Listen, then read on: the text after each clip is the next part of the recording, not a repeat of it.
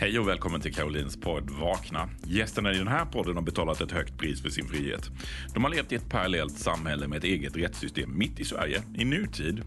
För priset du betalar för att lämna Jehovas vittnen, det är förlusten av alla dina vänner, din familj, släkt och hela ditt sociala nät. I de här intervjuerna delar gästerna sin historia om hur det är att leva inne i en parallellvärld. Om smärtan i att förstå att det man trodde var sant inte alls är det. Och om hur du överlever en social misshandel som kanske skulle kunna ha kostat dig livet. De berättar om vad som väckte dem och hur de har lyckats skaffa sig ett nytt och friskt liv. Du som håller på att vakna kommer att känna igen dig. Du som inte hade en aning om företeelsen kommer att förvånas. Det är dags att vakna med Caroline och gäster. Hej och välkommen till ett nytt avsnitt av Vakna med Carolina och gäster. Idag har vi Linnea på besök hos mig. Linnea Lopez sitter uppe i Stockholm och vi känner inte varandra. Vi kom i kontakt på Facebook där Linnea skrev till mig omkring eh, podden och hon lyssnade på den. Och jag blev jättesugen på att höra mer från Linnea och vad hennes berättelse har att dela med sig av. Så här sitter hon idag Linnea, välkommen hit! Tack, tack så jättemycket! Kul att vara här. Ja, verkligen. Ja, men det blir så när man kontaktar och säger tack för podden så bara oj, vill du vara med? Det är farligt att kontakta mig. Jag uppskattar jättemycket. Jag säger det som eh, tilltalar mig och orsaken till att jag frågade dig det var den här positivitet som du utstrålade och det är just det som jag vill ha tag i gäster som har ett bra liv, som utnyttjar mm. det här som vi alla har suckat efter när vi blir uteslutna. Men när ska det här nya fina livet börja? Och du har omfamnat det. Ja, det pågår det nu hela tiden. ja, precis, precis. Det är ju såklart en, en process som hela tiden visar nya facetter, men det är också det som är det spännande i upplevelsen. Berätta lite Linnea innan vi går in på din bakgrund. Vem, vem är du? Var sitter, du satt uppe i Stockholm, men berätta lite mer. Vem är du? Jag är 36 år gammal och jag bor i Stockholm då med min sambo, mina två barn och en bonusdotter. Hur gamla är dina barn? Eh, den äldsta är 14 och eh, den yngsta fyller 11 snart. Och min bonusdotter är också 11 så de är precis lika gamla. Nej men vad roligt. Hur går det? Jättebra. De trivs fantastiskt bra med varandra. De är helt olika men de är verkligen som riktiga syskon och går i parallellklass. Och, ja, det är som att bo ihop med sin bästis. Nej, vad kul! Jag har, min yngsta är 14 och sen har jag en bonusdotter som är 15. Mm. Och eh, det går också jättebra. Man kan tro annars två tonårsflickor som inte är helsyskon men, men det går jättebra. Oh, och de har jättekul. Ja, så det är, det är en ålder med mycket, så mycket händer i den åldern. Ja, precis. Och då är det mm. kul att de har varandra i allting. Ja, precis. Jättekul. Men berätta, hur, eh, hur länge har du varit eh, borta från Jehovas vittnen eller fri kan man säga? Eh, jag lämnade 2014. Då var jag 28 mm. år. Och det var jag som ja. lämnade. Jag blev inte utesluten eller så utan eh, jag lämnade självmant. Hur har din eh, uppväxt sett ut? Har, har, du växt upp med mamma och pappa och det är flera generationer tillbaka? Du har varit vittne? Ja, jag har vuxit upp med min mamma bara som var vittne och min mormor också. Hon var den första i familjen som var vittne. Och sen alla då på mammas sida. Mm. Så din pappa var inte vittne? Nej, precis. Och vi har heller, jag har aldrig mm. bott med pappa eller så utan det har alltid varit jag och mamma. Väldigt tajta. Och jag, alltid, jag var alltid mm. jättetroende som liten. Alltså mer troende än mamma. Mamma var, vad jag förstått idag, eh, skulle jag säga, deprimerad när jag var liten. Och var hemma mycket från möten och så. Då, då gick jag alltid själv och fick jättemycket mm. uppskattning och, och sådär från församlingen. Och då kände jag mig otroligt stärkt. Att lilla mm. jag var betydelsefull i församlingen. Och sådär. Fick väldigt mycket boost. Hur påverkade det dig i ditt eh, religiösa liv? För man kan säga, som jag ser det så är det två moment i att vara ett vittne där de motoriska rörelserna, man går in på möten och i tjänster, man förbereder sig. Men sen har du också den religiösa eh, rörelsen i hjärtat. Gjorde det att du blev mer troende? Att du var så där inne i församlingen? Ja, verkligen. Eh, jag överlämnade mig till Jehova i bön när jag var sju år, vilket var ett jättestort ögonblick för mig. Jag hade liksom förberett det jättefint hemma i mitt rum och sådär och knöt mina små händer och så här, tack Jehova, jag vill tillhöra dig. ja, allt det där, gud vad Men hjälp, oj, du var en riktig... Ja, jag var hardcore alltså. Hur kommer det sig? Ja, kanske det där att jag var själv med mamma och att jag upplevde mamma. Hon hade ju, ja, jag vill inte outa henne för mycket, men eh, en hel del problem med allt möjligt får man väl säga. Och då vart och ingen relation någon vidare med min pappa. Så att då blev det att församlingen vart min förälder, skulle jag säga. Just det. Ja, och, och Jehova såklart. Jag, alltså, jag pratade med Jehova liksom på vägen till skolan, på väg hem. Ja, hela tiden. Mm. Jag ifrågasatte aldrig någonting i tron. Alltså allting försökte Nej. jag bara rakt av. På det sättet kan man säga att det kanske var, var bra. Du, du kände att du hade en pappa där i din himmelska far. Mm, ja men absolut, det skulle jag säga. Ja. Han var väldigt eh, verklig. Mm. Så du överlämnade redan som sjuåring. När, blev du, eh, när blev du döpt då? Jag var 15 först, men jag pratade med äldsterna första gången jag var något år efter överlämnandet då. Eh, men de, då var det en jättefin presiderande som tyckte att jag var för ung. Ehm, och det var två gånger faktiskt han sa nej. Eh, vilket jag är tacksam för idag. Men sen eh, döpte jag mig när jag var 15. Vilket jag kände så här, åh vad sent. Att jag hade velat göra det mycket tidigare. Jag kände mig gammal egentligen. Men ja. ja. ja. För jag hade ju också som mål då såklart att gifta mig tidigt och då ville man ju ändå åtminstone ha varit döpt några år. Ja, just det. Du, vill, du, var, du hade bråttom till vuxenlivet. Ja, och också, jag vill ju inte eh, här, bli lämnad på glasberget som man tyckte på den. Det är ju hemskt. Men alltså bli 23-24 ja. år i församlingen och vara ogift, det är ju så här, då, det är ju, då är man ju överlämnad. Eller vad heter man? Ja, ja. Övergiven. Ja, utlämnad och ja, ensam och alla andra gifta sig. Ja. Men hur såg din barndom ut annars med skolan? Du var väldigt troende. Kunde det fungera med dina klasskompisar? Med, med den här väldigt religiösa övertygelsen? Ja, alltså min dotter nu som är tio, hon frågar mig väldigt mycket, för hon har så otroligt mycket kompisar. Så hur många kompisar hade du i lågstadiet? Eller, ja, säger hon till lågstadiet, men när du gick i skolan och sådär. Och jag, när jag tänker tillbaka, så jag hade ju ingen. Jag hade ingen, inga kompisar. Alltså jag fick det i högstadiet. Men innan dess, nej, inga.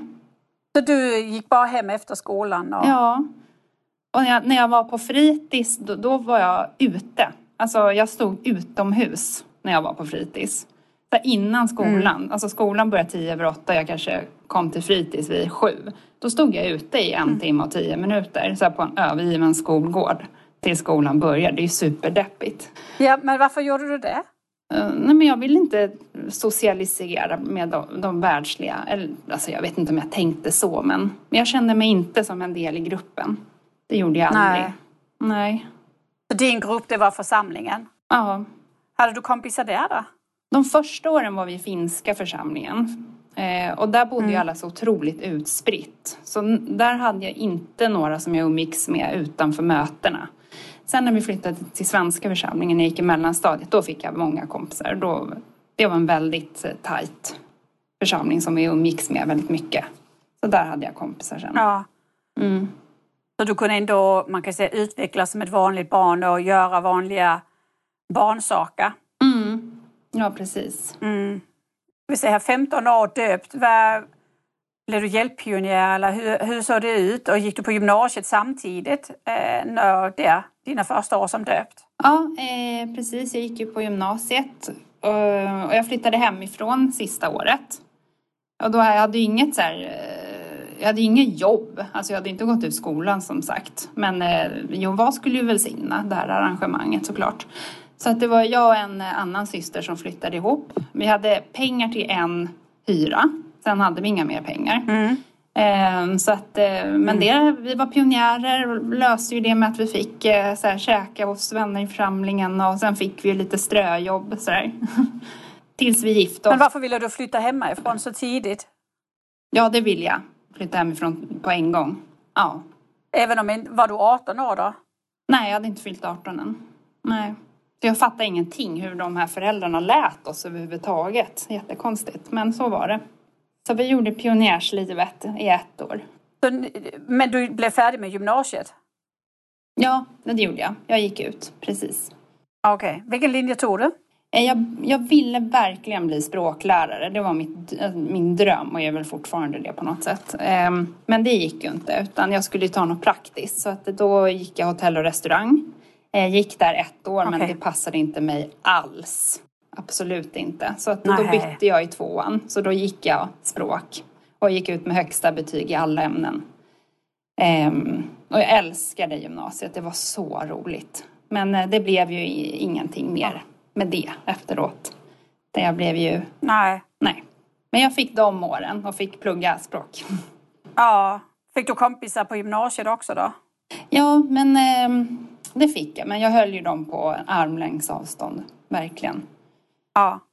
Och då bodde jag ju med en syster och vi var ju supertajta. Och sporrade varandra i andlighet. ja, just det. Ni var ju sådär riktigt radar, radarpionjärpar, måste jag tänka mig. Unga, eh, smarta och sen eh, ivriga i, i religionen. Ja, verkligen. Det var vi. Ja.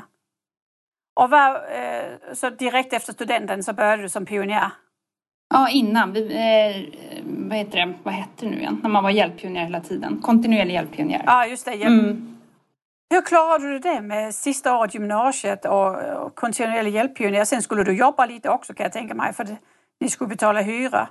Ja, precis. Nej, men hur gick det? Man, det gick väl för att man var ung och hade lite energi, tänker jag mig. Men vi hade ju mm. aldrig några pengar. Så här, sista veckan så la vi alla pengar i en pott och köpte bara godis. Så käkade vi bara godis den sista veckan. Exempelvis. Men hjälp! Åh. Ja, Men ja. Eh, ja, vi förlitade på att Jehova skulle fixa det åt oss. Och det gick väl. Det, alltså allt löser sig väl ändå till slut. Men det var inte tack mm. vare Jehova i alla fall. Nej, precis. Men det var kanske snälla människor som ni kände som, som stack ja, till lite här och där. Mm, men ja. så var det. Men vad sa din mamma när du vill flytta hemifrån så tidigt? Sa hon inte nej, men du får vänta? Nej, hon sa ingenting. Nej, hon var väl ledsen, men ja, tyckte väl att det var bra ändå att jag satsade på sanningen. Och sen, eh, sen, ble, sen efter gymnasiet så fortsatte du som reguljär pionjär? Nej, jag var bara kontinuerlig hjälppionjär hela tiden. Ja, det var min kompis okay. som blev... Hur såg det livet ut? Det livet med hon och jag, när vi bodde ihop? Ja, det livet som kontinuerlig hjälppionjär, alltså så det när du var ung vuxen? Eh, ja, men det var ju hårt. Alltså, jag hade ju träffat han som skulle bli min man som bodde i Spanien. Och hon hade sin mm. blivande man i England. Och sen skulle ju de ah. alltid komma och hälsa på. Det gick ju inte att de kunde sova över och hela den där balletten. Och det blev alltid, ja, ständigt mm. eh, ja, ständigt bara jobbigt. Det skulle vara så här härligt att dejta och träffa killar i den åldern. Det blev ju aldrig någonting utan det var ju hela tiden dåligt samvete och ja, bara längta efter närhet och inte få det. Och sen då också nå upp till de här timmarna. Och vara så här gott föredöme i församlingen. Nej, ångestfyllda år på något sätt, nu när man tänker efter. Och jag hade ju den här drömmen om att gå på universitetet och bli språklärare, men den fick jag ju bara lägga på hyllan. Tänkte du aldrig att att du var arg på religionen för det eller du bara accepterade det? Ja, nej, jag, ja, som sagt, det var bara svälja allt med hull och hår. Det var ingenting jag ifrågasatte förutom att det var tråkigt. Och i, i paradiset skulle vi ändå prata hebreiska så att, att jag var språkintresserad, det var ju, det var ju tråkigt. Mm. Men det var ingenting vi skulle ha sen. Ja, det är ju lite det här med att säga nej till sig själv hela tiden. Att aldrig att göra någonting för sig själv som, som du tycker är roligt utan hela tiden vänta på det livet som ska komma. Mm, verkligen. Och mer av väntande skulle det bli. Så, så hur gammal var du när du gifte dig? Eh, 19. Wow! ja, det var ju lite sent. Jag hade velat gifta mig när jag, samma dag som jag fyllde 18, men 19 fick duga. Och som sagt, vi hade inte ens träffats när vi bestämde oss för att gifta oss. Han bodde i Spanien och vi började chatta. Eh, och sen bara, ja, vi ville ju båda gifta oss tidigt och ungt. Så det bestämde vi ganska omgående när vi hade börjat prata. Så, så, men hur, hur, eh, vilket år pratar vi om här? Jag tänker på med, med internet. Vilket år började du sällskapa med din, eh, med din man? Ja, vi började sällskapa när jag var 17 och jag är född 85. ja, när Aha. det? Ja, ja okej, okay. ja, men det var ju lite internet så. Ja. Hur träffades ni? Um, via en, en annan kompis som jag hade i Spanien. Um, som jag hade träffat när jag var där, en tjejkompis. Som introducerade oss. Och tyckte så här, ni kan ju eh, passa ihop. Och det var ju så enkelt då. Man tänkte så här, vi har samma mål i livet, att leva ett kristet liv och det räcker. Vi behöver inte veta så mycket mer egentligen om varandra. Det är väldigt ungt och, och naivt ja. att tänka det, men det är ju nästan att, att kasta uh, ungdomar in i, i många problem. Ja men verkligen. Och vi hade ju inte ens bott ihop. Alltså vi hade inte bott ihop, vi hade inte bott i samma land överhuvudtaget. Han hade ju bara varit på semester här. Så. Han kunde ju komma kanske, vi kanske sågs var fjärde månad i några dagar. Och det var inte som nu att man kunde ringa Facetime och sådana där grejer. Alltså internet var inte så utvecklat Nej. ändå. Vi kunde ju prata lite grann och vi skrev brev och ja. Sen flyttade han hit eh, på sommaren 2005. Ja. 2005 ja. Och sen gifte vi oss den sommaren. Och vi passade inte ihop för fem öre alltså. Det skärde sig nästan på en gång. Alltså vi var inte gjorda för varann någonstans. Det, det, på bröllopsresan kan jag säga att det visade sig att det här, kom, det här blev inte bra. Men ja, wow. jag, jag, var, jag var otroligt kuvad i den kvinnorollen som vittne. Och sen kommer ju den latinska kulturen på också. Jag har bott i Italien och ja. det, är, det, är en annan, eh, det är en annan kultur man och kvinna emellan redan som det är rent nationellt. Och sen har du då givet tänket på det. Ja men precis, ja du vet precis hur det är. Mm. mm. Vad gjorde du då? Ja, då eh, svalde jag det och eh, vi flyttade till Madrid. Ehm, mm. Och där, alltså de åren är, är otroligt sorgliga att tänka tillbaka på. För livet kretsade helt kring församlingen men jag kände mig inte hemma där riktigt. Som du säger, de här kulturkrockarna och det var inte Ja, vittnena i, ja du vet själv, vittnena där är inte riktigt som här. Det är hårdare och det är... Ja, jag kände mig in, jag hittade inte min plats. De har ju en väldigt katolsk, eh, det är väldigt ja. intressant för när jag bodde i Italien, jag tillhörde en engelsk församling men det var ju många italienare och de är väldigt katolskt präglade, speciellt när ja. vi var på besök i italienska församlingar så hade man mycket prägel från det katolska eh, och det här stränga och det är nästan mycket, mycket strängare hierarki i församlingen och kvinnans plats är i köket. Verkligen. Och det är inte, ja, Verkligen så. Mm. Det, det, slår mig att det var 30-40 år efter i kvinnosynet. Mm. Verkligen så. Ja, alltså jag minns min bröllopsklänning som jag hade köpt. var en sån där uh, som inte har några axelband. Och, och min svärmor mm. hon såg den, hon bara det där kan du inte ha. Alltså det där är inte kristet att ha det. Så det var så här, ha det, köpa en ny klänning så det skulle vara så här täckta arm, armen.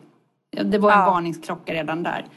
Jag kommer ihåg när jag bodde i Torino så hade jag tagit bussen genom stan med shorts. Och den syster som vi bodde inneboende på hos hon sa, hur har du kommit hit?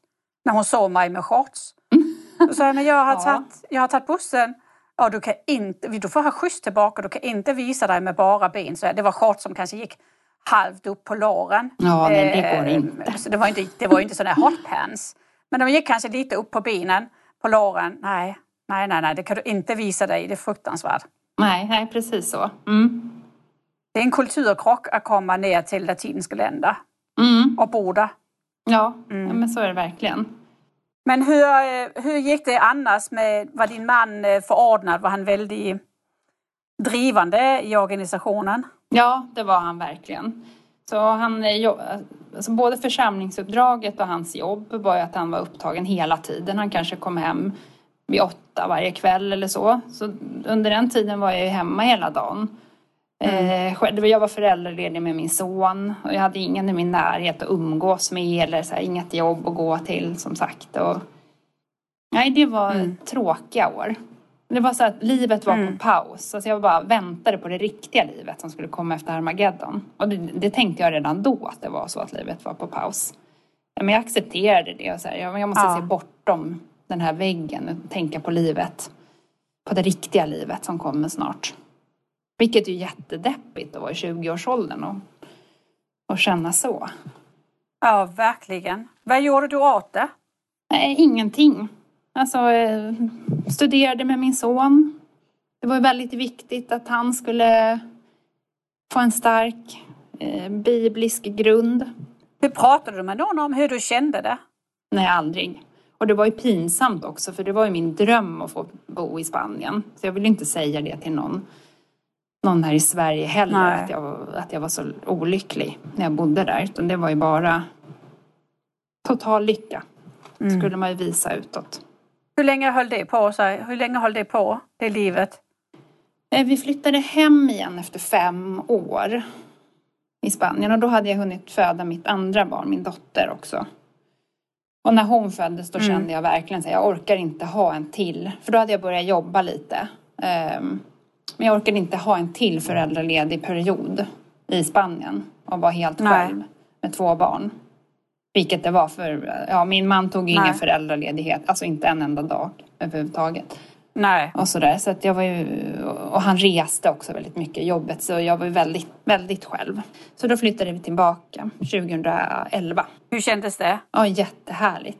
Det var så skönt att komma tillbaka. Mm. Och då började jag, då var jag mm. föräldraledig med min dotter och så vi kom tillbaka till min svenska församling. Vi gick inte till den spanska först. Um, ja men då, det kändes jättebra att vara tillbaka. Mm. Hur klarade din man att komma in i en, i en svensk församling? Det var nog lite samma kulturkrock där och fast åt andra hållet. Mm.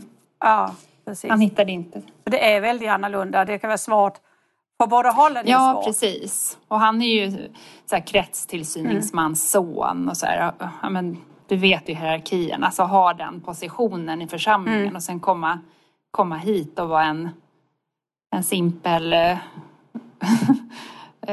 en simpel församlings mm liksom inte kunna språket. Det var nog en, en stor omställning för hans del. Hur, hur gjorde ni sen? Hur, hur, hur gick livet i Sverige? När vaknade du? Jag började så sakta vakna där åren efter, 2012, 2013 kanske. För då hade jag börjat mm. få lite kompisar på jobbet som jag hade här. Det var ju mitt första riktiga jobb i Sverige. Eh, och de älskade jag att umgås med, det var jätteroligt. Men min man tyckte ju då att det gick ju inte såklart. Så där var det ju en bråk, alltså ganska mycket ständiga bråk mellan oss om det. Äktenskapet kändes verkligen otroligt tungrot just då. För i Spanien mm. kunde jag också gömma mig lite. Men här blev det så uppenbart. Och sen skulle jag ta de här samtalen som han hade skött förut. Som är med skola och förskola. Som att barnen var vittnen och allt det där. Och då började jag känna i hela kroppen mm. så här, jag vill inte. Alltså jag vill inte säga till en förskolepedagog att min ettåring inte får en ballong med sitt foto och födelsedagsdatum uppe bland de andra barnen. Nej, det, det börjar för första gången kännas som att det vill jag inte vara med på.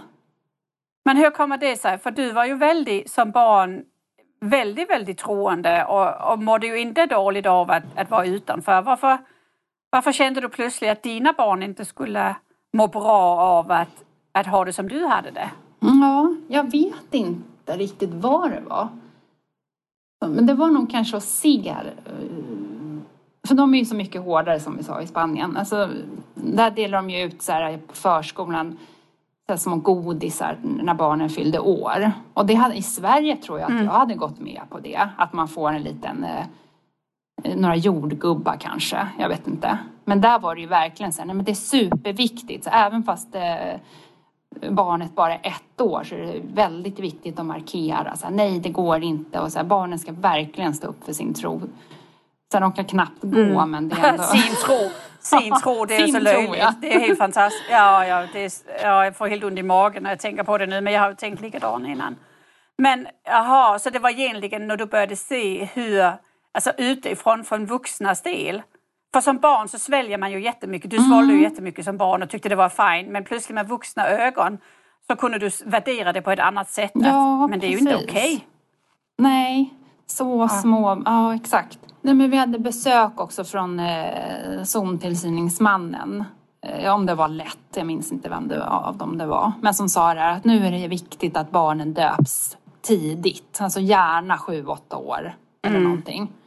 Mm. Eh, så då minns jag att jag sa det till en syster. Vi gick båda omkring med våra småbarn. Så här. Och då sa jag till henne, så här, men då är det inte många år kvar till, till dop kanske då för våra barn här med de här nya riktlinjerna. Och då tittade hon på mig så här och sa så här, mm. fast det där, det passar inte här i Sverige. Och då kände jag så här, men va? Så här, hon säger emot någon i styrande kretsen. Jag har varit helt chockad och nu i efterhand mm. tänker jag vad modigt av henne att säga så. Jag kommer ihåg det områdessammankomsttal, det, eller det, ja, den, när han var ja. på besök, den zontillsynsman, den, den går ju, ja, det var, det var lösch eh, och det mm. går ju till historien. Eh, han höll det samma tal i Danmark och då det var det massutvandring det. från sammankomsthallen. Ja, det, det var, eh, och han pressade på så med det här med barndop och det det gjorde ont. Mm. Jag kommer ihåg jag också sa det, det kan han ju bara fetglömma här i Sverige. Det kommer ju aldrig att bli så. Vi döper sjuåringar. Uh, men... Ja, uh, vad mm. intressant. Ja. Ja. Men då, vad heter det, vad hände sen? Liksom, för det är ju en process det här med ja, vaknande. Sen efter det började jag också fundera, alltså det blir ju som att allt bara rullas framför en. Då började jag för första gången fundera över tron också.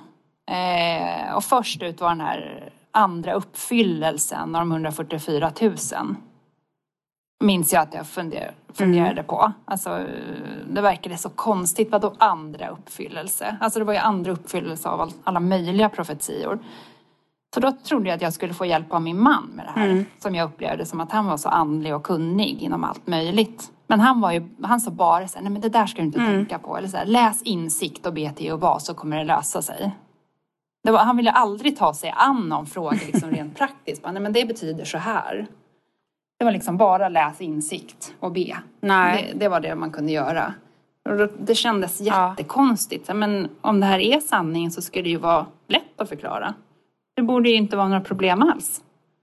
Ja. Jag trodde att det skulle vara en lätt förklaring, inget, inget mer. Men det var ju att man skulle uh, hitta kraft och bara se förbi det där. Det var ju det som var svaret.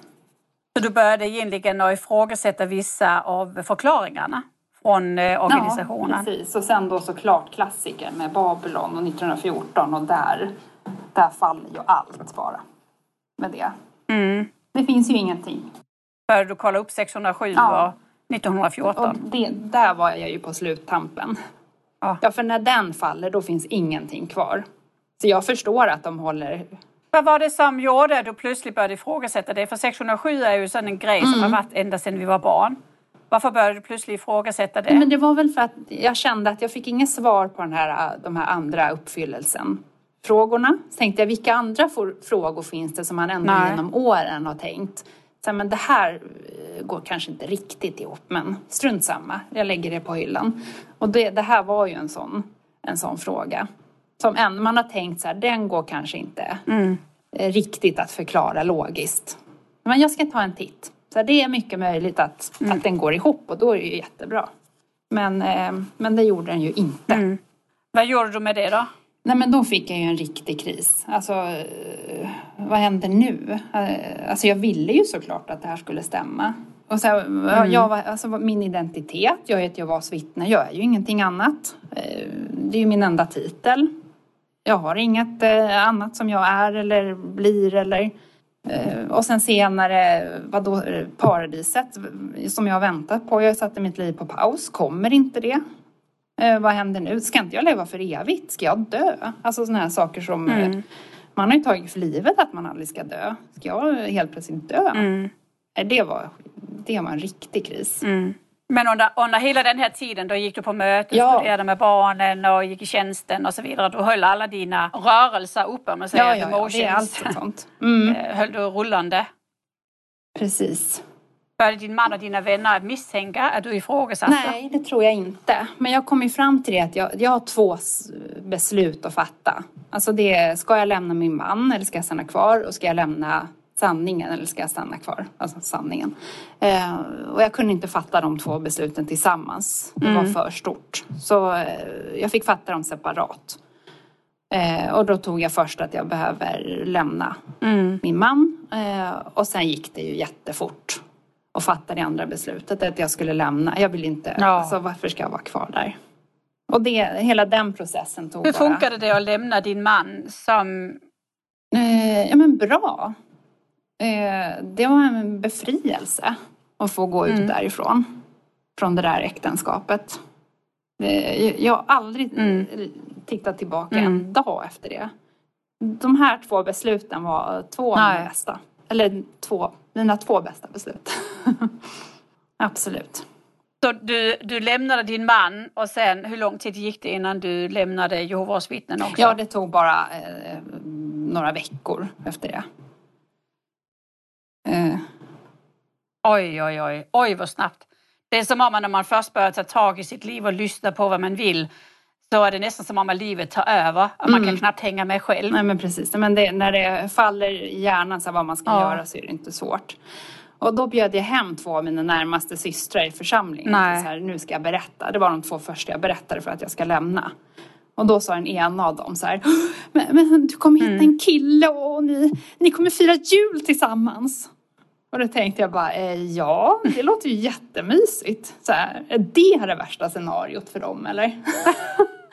tänkte jag bara, men hej då, här har jag Ja. inget att göra längre.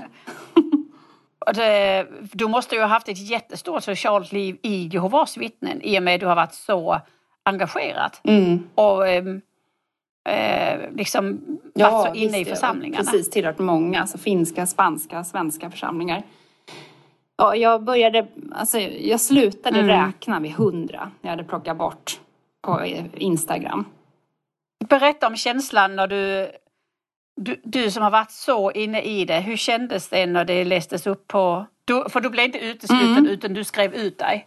Eh, jag var inte där när Ja. de läste upp det.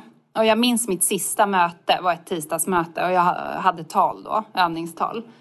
Eh, och det var innan jag hade berättat, men jag visste att jag skulle berätta. Eh, och då tänkte jag, ska jag hålla det här talet eller ska jag strunta i det? Så jag bara, nej, jag tänker hålla det här talet och det ska bli det bästa. Det, alltså vet du vad, det så kul. Eh, den månad jag blev utesluten då hade jag anmält mig som hjälppionjär. Det är ju så konstigt. Jo, det är så konstigt. Men det är som om att det blir att man har två liv. Att Ja. man har ett givet liv, men det berör egentligen inte mina känslor för det är så avkopplat från mitt hjärta. Utan man gör bara en massa rutiner, man gör en massa saker. Det känns Ja, inte som om det är jag som faktiskt. gör det utan det är Jehovas vittne Caroline eller Je- Jehovas vittne personen som gör det. Ja, verkligen. Det har du rätt i. Mm. Ja. ja, det behöver inte ens vara kopplat. Nej, sitter i backspegeln så är det ju helt jättekonstigt. Hur kunde du hålla ett tal den veckan du skulle uteslutas? Ja, det är Men- helt konstigt. Hur gamla var barnen eh, när, du, eh, när du lämnade Jehovas vittnen? Eh, Min son skulle fylla sex år och min dotter var två. Okej, så de var ju Ja. jättesmå. De var små. Och jag frågade min son, för han skulle ju precis fylla sex år då. Eh, så vill Mm. du ha eh, tårta och eh, presenter nu när du fyller år? Då sa han, nej, nej, det vill jag verkligen inte. Så här, det, vi firar ju inte jul. Nej. Eller jul, Nej, födelsedag. ja, födelsedag. Eh, men ja. sen så sa han kvällen innan sin födelsedag, när, han, när, vi, när vi skulle natta, då sa han Mamma, jo, jag skulle nog vilja ha en liten tårta och en liten present imorgon ändå. Och då kände man som mitt Mm. mamma-hjärta smälte och då kände jag, alltså jag gör det här för deras skull. Och då kändes det Ja. bara så rätt. ja. Så rätt. Men Mm. alltså du måste ju ha kommit så långt så fort. För att jag fattar inte, du redan var villig att, att ge din barn en födelsedagstårta eh, första året de fyllde år som utesluten. Ja, men det är nog mycket för barnens skull, tror jag. Och som, som sagt, när det korthuset faller, då faller det så tungt så det finns ingenting kvar där att hämta. Ja. Det var kanske också för att du var full vaken när du lämnade så var du full vaken. Du kände inte, det här är inte, alltså det, det är ingen sanning i det, det är bara en organiserad religion. Mm, precis. Hur har det funkat med, med det andra livet? För de har ju en pappa som är Jehovas vittne som de ju är hos kan jag tänka mig. Eh, jag vet inte om ni har varannan vecka eller hur ni har det. Mm, precis, vi har varannan vecka. Då blir det ju två liv. Ett liv med, med ett sätt regler och ett liv med ett annat sätt regler. Hur har Mm. barnen hanterat det? Ja, alltså bitvis jättedåligt. Alltså nu vill inte jag prata kanske så mycket om dem så, men eh, ja, stundtals har det varit väldigt tungt. Alltså, och min son har ju sagt någon gång så här, alltså jag vet att jag kommer göra en av mina föräldrar så otroligt, så otroligt besviken. Och den känslan mm. har ju de med sig hela tiden. Att en dag kommer de behöva fatta mm. det här beslutet och, och antingen mamma eller pappa kommer bli jätteledsen. Hur känns det för dig? För där jag har ju många lyssnare som, som har det just som dig varannan vecka barn. Man släpper iväg barnen till den här strikta religionen. Alltså klart de ska ha kontakt med sin förälder, det är ju jätteviktigt. Eh, mm. Men med den andra föräldern kommer ju också en, en, en trosuppsättning som man inte håller med om längre. Hur, mm. hur hanterar du det? Liksom, ja, jag i kan du ge några praktiska tips? Ja, några praktiska tips? Ja, att eh, jag har försökt att inte eh, göra så mycket eh, prat om det på mina veckor. Eller så jag har aldrig pratat illa om, eller aldrig, men ja, det kanske har slupps, något har slunkit ut ibland. Men, men jag försöker leva så vanligt liv som möjligt hos oss. Eh, och ingenting mer med det. Eh, och, och nu, eh, nu senast när vi kollade på just den här eh, ja, men de här programmen som har gått nu, Uppdrag granskning senast. Eh, då frågade jag min dotter lite försiktigt, men så här, vad tycker du om det här egentligen? Hon bara, men alltså mamma, det är knappast som att någon av oss kommer hamna där. och då kände jag bara, uh. vad skönt. Uh, okay. Men visst, uh. ibland har jag ju också fått så här infall av att till eh, naturhistoriska, nu ska vi prata evolution. ja. ja. Ja. Den andra föräldern vet om att ni firar jul och födelsedag med barnen när de är hos dig? Ja, det absolut. Och det har aldrig varit något, eh, något sjabbel mm. kring det. Utan eh, jag gör mm. ju mina grejer på mina veckor så att säga. Och det är kanske det som är lösningen också, att man inte pillar på varandras veckor. För att precis som men man vill ha rätt till att fira jul och födelse på sina veckor så vill den andra föräldern ju också ha rätt att göra sina grejer på sina veckor. Och då när, det, när jag upplever, de jag har pratat med när det blir problem, det är ju när den andra föräldern plötsligt vill börja hämta barnen på möteskvällar. Mm, eh, alltså precis. i varandras vecka eller när det är sammankomster och så vidare. Ja, aldrig i livet säger jag bara. Mm. Nej, och då är kanske lösningen bara, nej men min vecka gör jag mitt och din vecka gör du ditt. Mm. Jag upplever speciellt hos kvinnor att många Jehovas vittnen, eller många kvinnor som har varit Jehovas vittnen har väldigt svårt att säga nej till det. Utan man låter den andra liksom trampa in i sin vecka. Eller morföräldrar eller farföräldrar som plötsligt vill studera med barnen i ens vecka och barnen är lite i kläm. Och mm. vet inte, ja men jag vill inte göra farmor ledsen eller pappa ledsen eller vem det nu är. Um, ja. Men då får man kanske som förälder ta det här ansvaret och säga för barnen, nej men ni behöver inte säga varken bu eller Det är min vecka och jag bestämmer och jag säger nej. Ja, precis. Så man får kanske hjälpa barnen där att, att, att de behöver inte ta det. För det är också ett stort ansvar man säger till barnen, men det får du ju bestämma och då sitter de med Exakt. det i handen. Att, ja men aha, ska jag göra farmor ledsen eller pappa ledsen? Det vill jag inte göra. Nej, precis. Nej, det är vårt ansvar och det är vi som bestämmer över veckorna och det blir ingenting sånt. Nej, Exakt nej, så. Precis. Nej, jättebra. Mm. Ja. ja. Jaha, men så, eh, och då har du, hur är ditt liv idag? Liksom, hur snabbt gick ditt nya liv? Och hur mådde du? Du var utesluten, inga vänner och då eh, var annan veckas föräldrar. Hur gjorde du för att bygga upp ditt liv igen? Ja, det tycker jag gick ganska fort. Först, eh, som sagt, den här identiteten. Vem är jag liksom? nu när jag, är jag en, eh, en avfälling eller liksom, hur är man en världslig människa? Är jag en världslig människa? Eh, och där var det här, alltså Facebookgruppen, XIV-gruppen var ju guld värd. Den har jag fått så mycket stöd av. Och sen sakta men säkert skaffat vänner. Alltså fått samla på vänner som en liten bukett blommor. Alltså plockat någon på någon arbetsplats eller eh, alltså intressen. Jag har ju upptäckt att jag har intressen. Jag älskar sport, jag älskar politik, samhällsfrågor.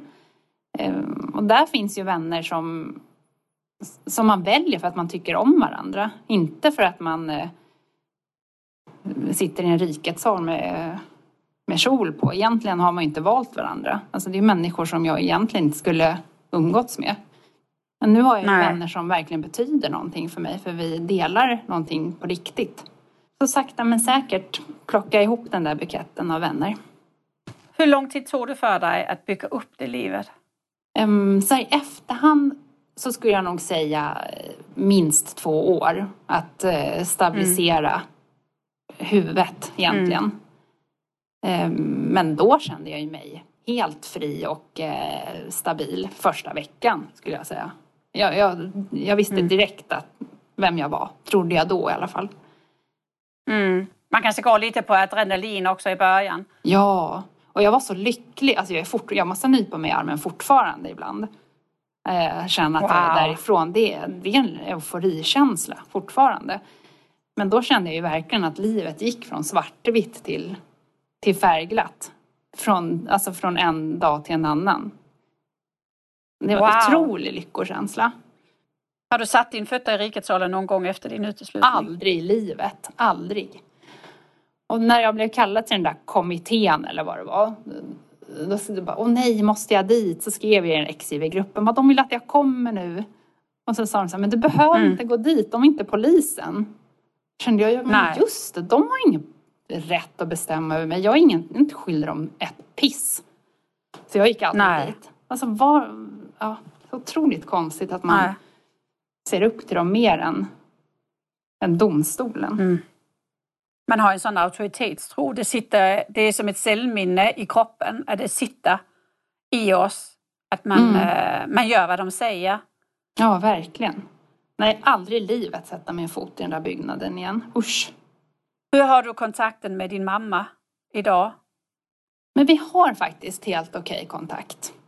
Faktiskt. Mm. Eh, Hon kunde acceptera ditt nya livsval?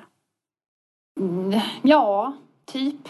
Jag tror, jag har en teori om det där. Det var ju att jag bodde hos henne varannan vecka i början innan jag fick ny lägenhet. Då bodde jag hos henne när jag hade barnen. Och hon var ju helt, mm. hon var så rädd för mig. Det var, hon, hon, hon satt i ett hörn och, och grinade och bara du har satan i huvudet och men jag tror att hon märkte mm. då sakta men säkert att jag var ju mig själv, jag var helt vanlig, jag upplevdes glad, trevlig eh, alltså gladare än innan. Och jag tror att det la grunden mm. för den relation vi har idag. Att det faktiskt funkar. Mm. Och vi har bestämt med varandra att vi pratar aldrig någonting som har med tro eller religion att göra. Och hon vet att hon inte Nej. ska prata med barnen om det. Jag har varit jättetydlig med det. Mm. Och det har funkat. Så vi pratar liksom väder, vind och mm, ja, recept. Så fint. Och, så ja. fint. Mm. Och det tycker jag också att alla lyssnare ska, ska ta med sig. Att det här med att man nödvändigtvis förlorar alla sina närmaste för att man lämnar, det behöver inte vara så. Jag har det inte så heller. För vi, mm. såklart, en stor del av familjen med min mamma har jag nära kontakt med och min ena syster och min andra syster har jag okej okay kontakt med. Så det behöver inte vara så att man blir totalt övergiven. Jag vet att många har det som en stark rädsla, jag vågar inte lämna för att, att då kommer jag bli helt själv eller min familj är så viktig för mig. Men, men det är inte nödvändigtvis så. Det är faktiskt många som har reparerat sin band efter ett tag. Mm, verkligen, precis så. Det kan snarare vara så att du känner att du inte har något utbyte av dem. För att du har gått vidare mm. i livet och de står kvar och trampar där borta. Ja. Medan du har utvecklats till något rätt. helt annat. Det, du har helt rätt. Jag hade en sån uppenbaring här in som jag jättegärna vill vara tillsammans med och så var jag tillsammans med den personen. Och jag upptäckte, men varför har jag jag tycker jättemycket om människan fortfarande men vi är på, det är som två olika planeter. Vi har inte så mycket att prata om längre. Nej, precis. Så, eh, det blir ju så för att, att med ett liv i det fria då är det ju så mycket som man plötsligt kan göra och ta sig till som man inte haft möjlighet för innan. Alltså läsa litteratur, möta människor, utforska olika, ja, olika saker eh, som har varit förbjudet i JV. Det är klart att, att man, man utvecklas som människa. Eh, ja, ja, tankar och värderingar och allting. Så, eh, ja. Ja, exakt. Ja. Man har inget att dela längre. Nej. Nej, nej. Hur ser ditt liv ut idag? Ja, men jag är jättelycklig idag. Jag har ett eh, fantastiskt liv. Och jag är en sambo mm. som stöttar mig. Vi kan prata om det här hur mycket som helst. Jag har jättefina vänner. Jag har en fin relation till mina barn som känns öppen och ärlig. Mm. Ja, som sagt, jag har fritidsintressen som jag älskar. Ja. Sport. Som jag inte fick göra som barn gör jag idag. Att jag får, eh, alltså, som sagt, samhälle, politik som var big no-nos som vittne är ju det jag älskar idag och trivs med. Ser ett fantastiskt Visst är det, man, man blir nästan hög på livet när man Ja. kommer ut. Så har jag upplevt det. Verkligen. Jag har en jättefin kontakt med min ena syster som fortfarande är given. Hon säger du föddes som en tonåring Caroline. ja men det är så mycket jag vill göra. Och, och, och undersöka och läsa och testa och göra. Alltså allt vill jag göra. Ja, precis. Ehm, bara för att testa det. Mm. Så, det, det är ju ett väldigt lyckorus man, man går igenom. Och det är väl också Verkligen. viktigt att få fram att allt det här med det fruktansvärt och deprimerande och ensam, det stämmer ju inte. För dörren är öppen för nya människor och nya upplevelser. Precis.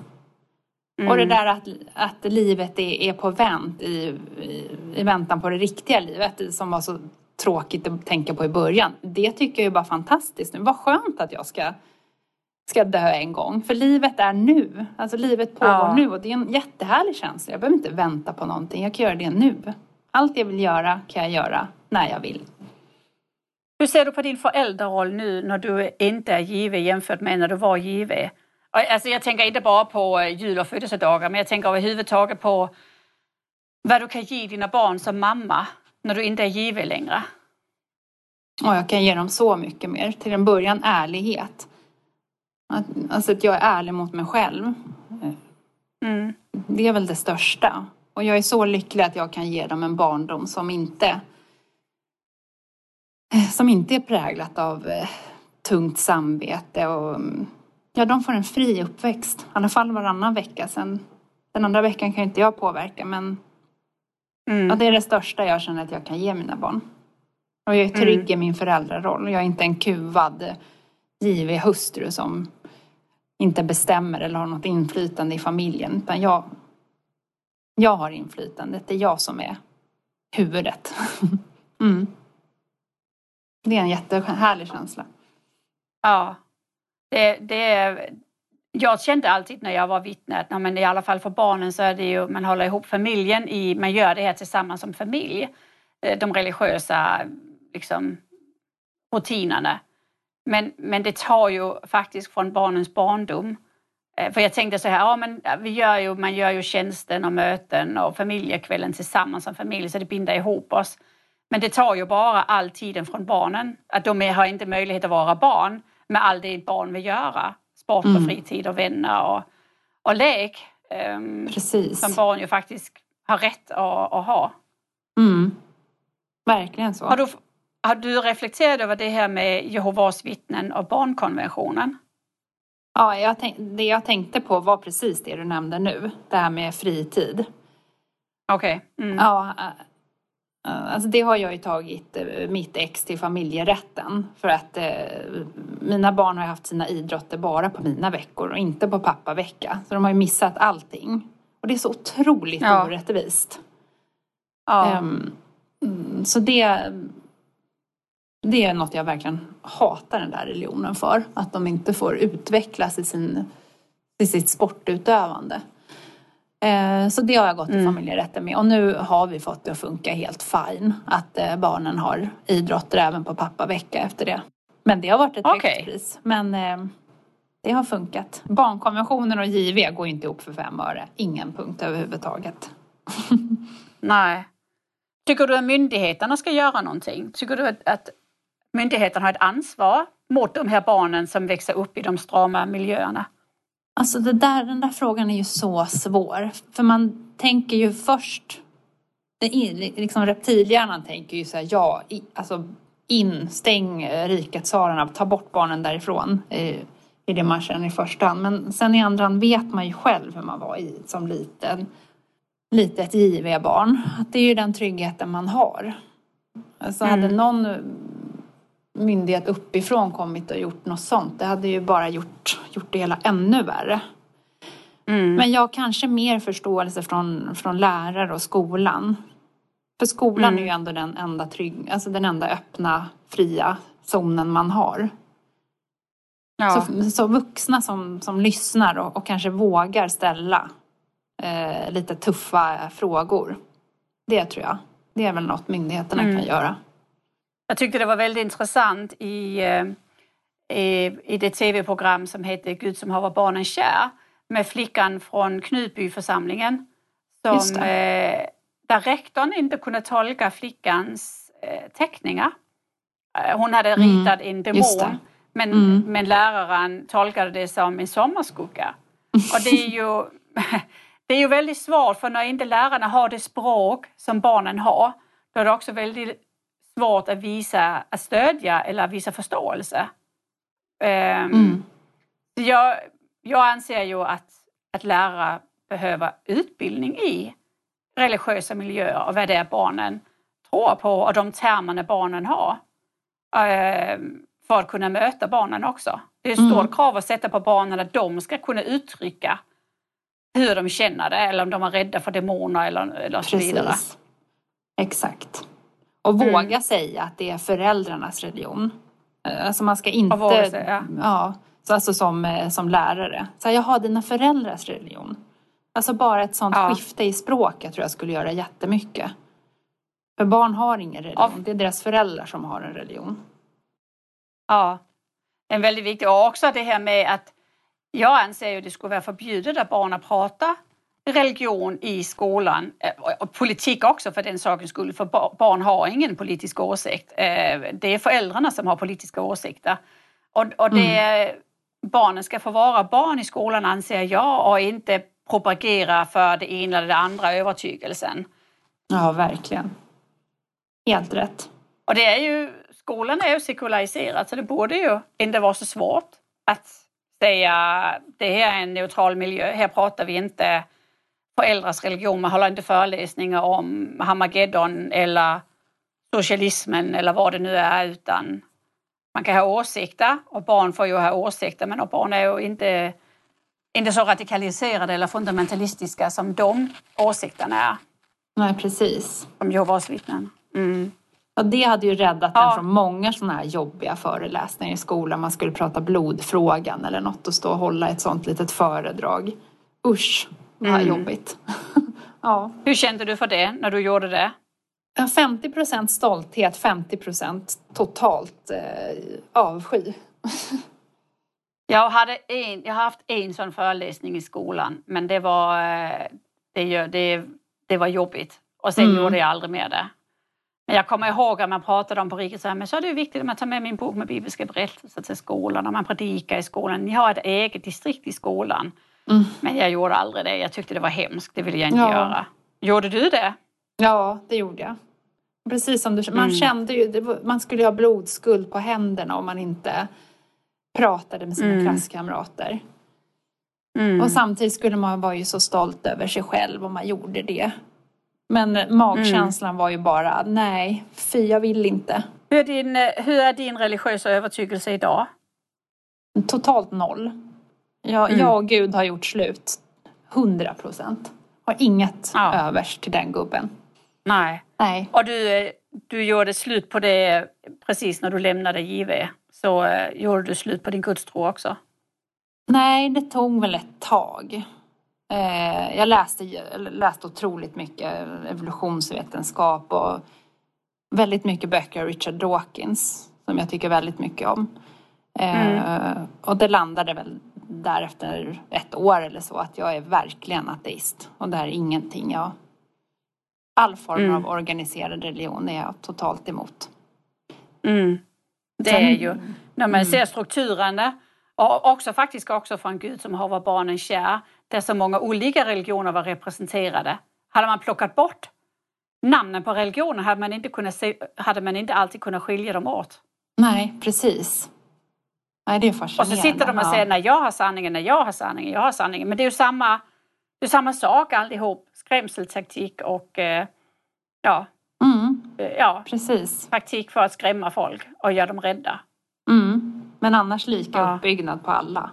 Mm, det blir ja. så tydligt. Ja. Har du sett eh, hos dina barn eh, en rädsla för att Jehova ser tankar? Du hade ju det här med att Jehova ser dina tankar och eh, eh Jehova är med dig hela tiden. Har du sett det hos dina barn också? Att, att de har fått den här känslan för att Jehova ser mina tankar, de är med mig hela tiden?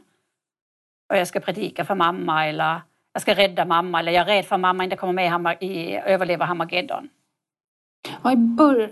ja, de var ju små, eller min dotter var ju väldigt liten så där är det inte så mycket. Men ja, hos min son Nej. såg jag det i början. Då, då mm. var det mm. väldigt tydligt att han skulle predika för mig. Eh, de här mm. klassiska. Men mamma, eh, ett öga är ju väldigt komplicerat. Vem tror du har konstruerat det?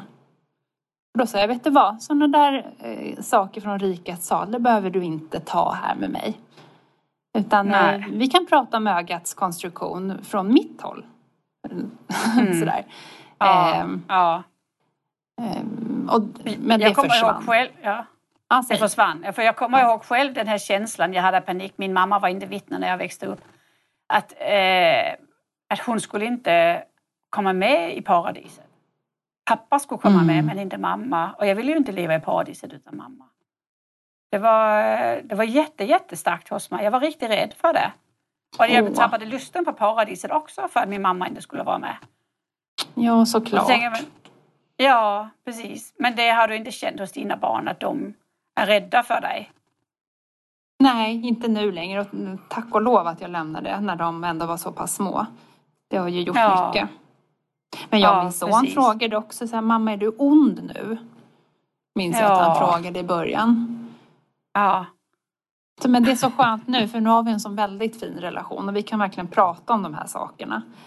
Eh, mm. Och det är väldigt härligt.